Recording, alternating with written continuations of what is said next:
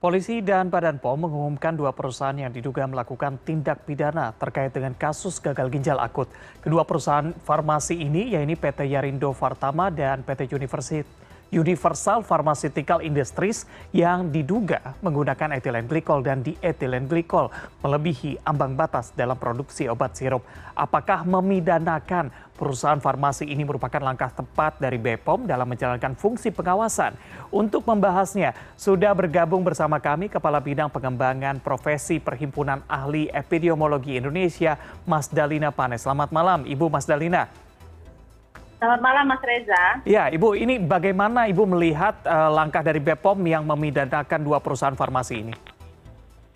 Ya, kalau sudah masuk ke ranah pidana itu sudah mulai ruwet, gitu ya.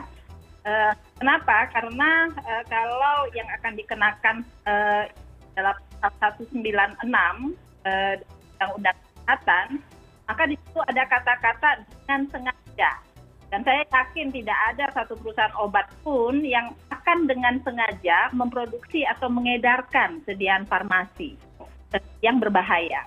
Nah, jadi uh, ini sudah masuk ke ranah hukum, tetapi mestinya uh, ini seperti pemadam kebakaran begitu ya. Hmm. Uh, pencegahannya itu tidak terlihat dan uh, itu merupakan uh, kerja badan pom atau tugas uh, dan fungsi dari badan pom untuk melakukan pengawasan.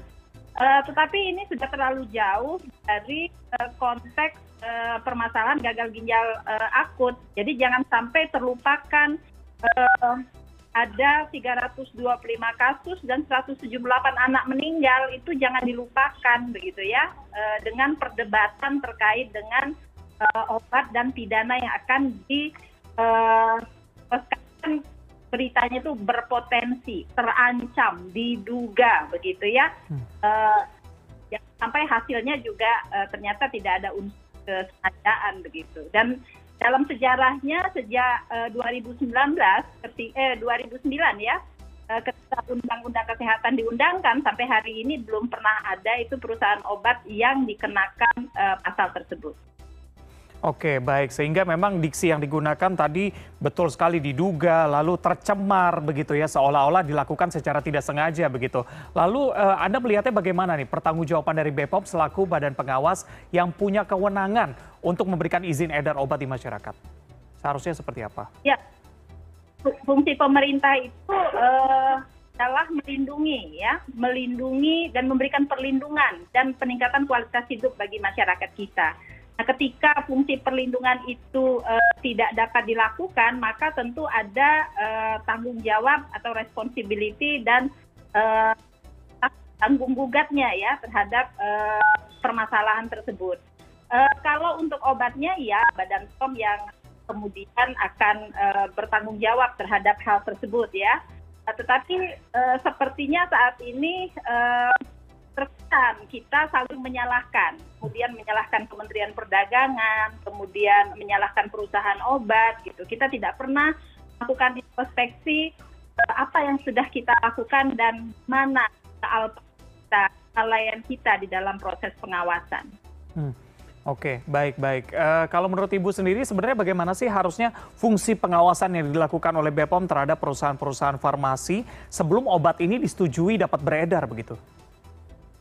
Saya kira regulasinya sudah ada ya dan hmm. itu sudah jelas. Uh, badan pom itu melakukan uh, proses uh, untuk uh, memberikan izin uh, kepada uh, perusahaan obat yang uh, akan uh, beredar dan itu ada levelnya.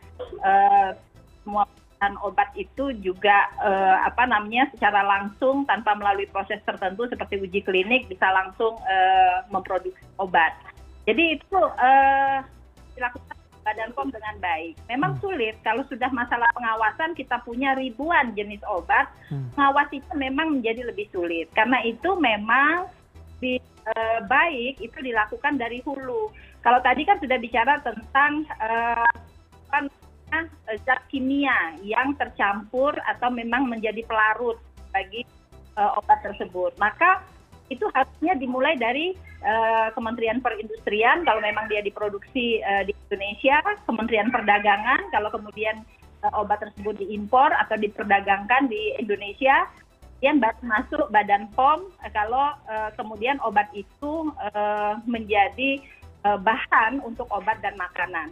Nah, kalau sudah masuk di Badan POM, nah pengawasan berkala ya, eh, monitoring atau surveillance terhadap obat-obat tersebut tentu harus dilakukan uh, secara uh, berkala menunggu ada kasus dulu baru kemudian kita fokus untuk melakukan pengawasan.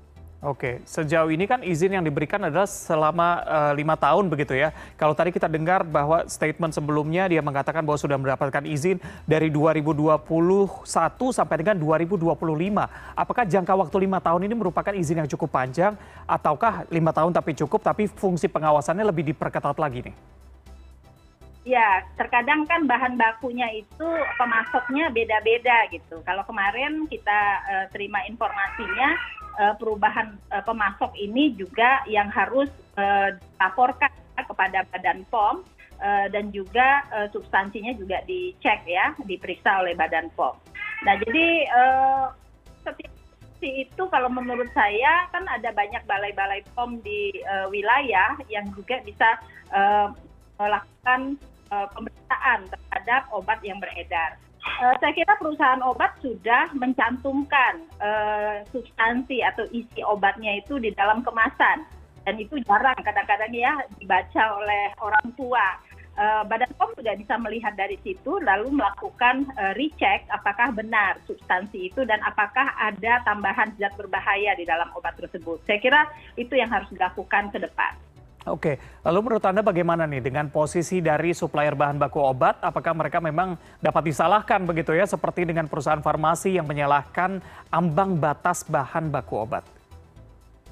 Saya kira itu farmakolog ya, ngerti tentang hal tersebut. Tetapi hmm. kalau di dalam uh, aturan yang ada, kita lihat satu uh, kelompok ya, uh, perusahaan uh, farmasinya yang dipersalahkan, uh, yang diduga ya, yang diduga bisa uh, terhadap hal tersebut. Oke, kalau Anda lihat sendiri seperti apa melihat kasus ini? Apakah BPOM juga dapat disalahkan atau terkena eh, undang-undang, uh, mungkin terjerat undang-undang karena kasus ini? Uh, saya kira ada aspek uh, responsibility dari Badan POM. Hmm, Apa hmm. yang sudah mereka lakukan beberapa hari ini juga harus kita apresiasi. Uh, mereka uh, cukup bergerak cepat, tapi saya melihat bahwa kita melupakan hmm. uh, kasus awalnya, yaitu anak-anak uh, yang terkena gagal ginjal akut ini. Terus bagaimana pertanggungjawaban negara terhadap mereka?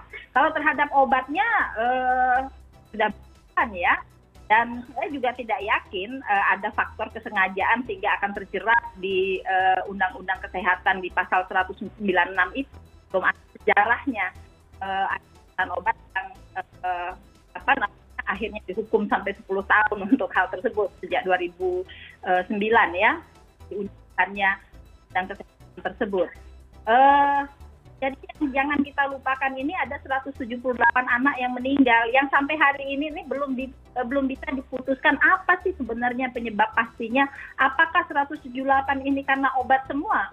Enggak saya kira. Jadi hmm. uh, azas praduga tak bersalah itu juga uh, harus dikedepankan jangan sampai dilupakan. Oke baik, penting untuk kita kawal bersama begitu ya, jangan sampai untuk melupakan kasus utama dengan terlalu sibuk untuk menyalahkan siapa begitu ya. Terima kasih Kepala Bidang Pengembangan Profesi Perhimpunan Ahli Epidemiologi Indonesia, Mas Dalina Pane sudah bergabung bersama kami di CNN Indonesia Connected. Selamat malam. Selamat malam.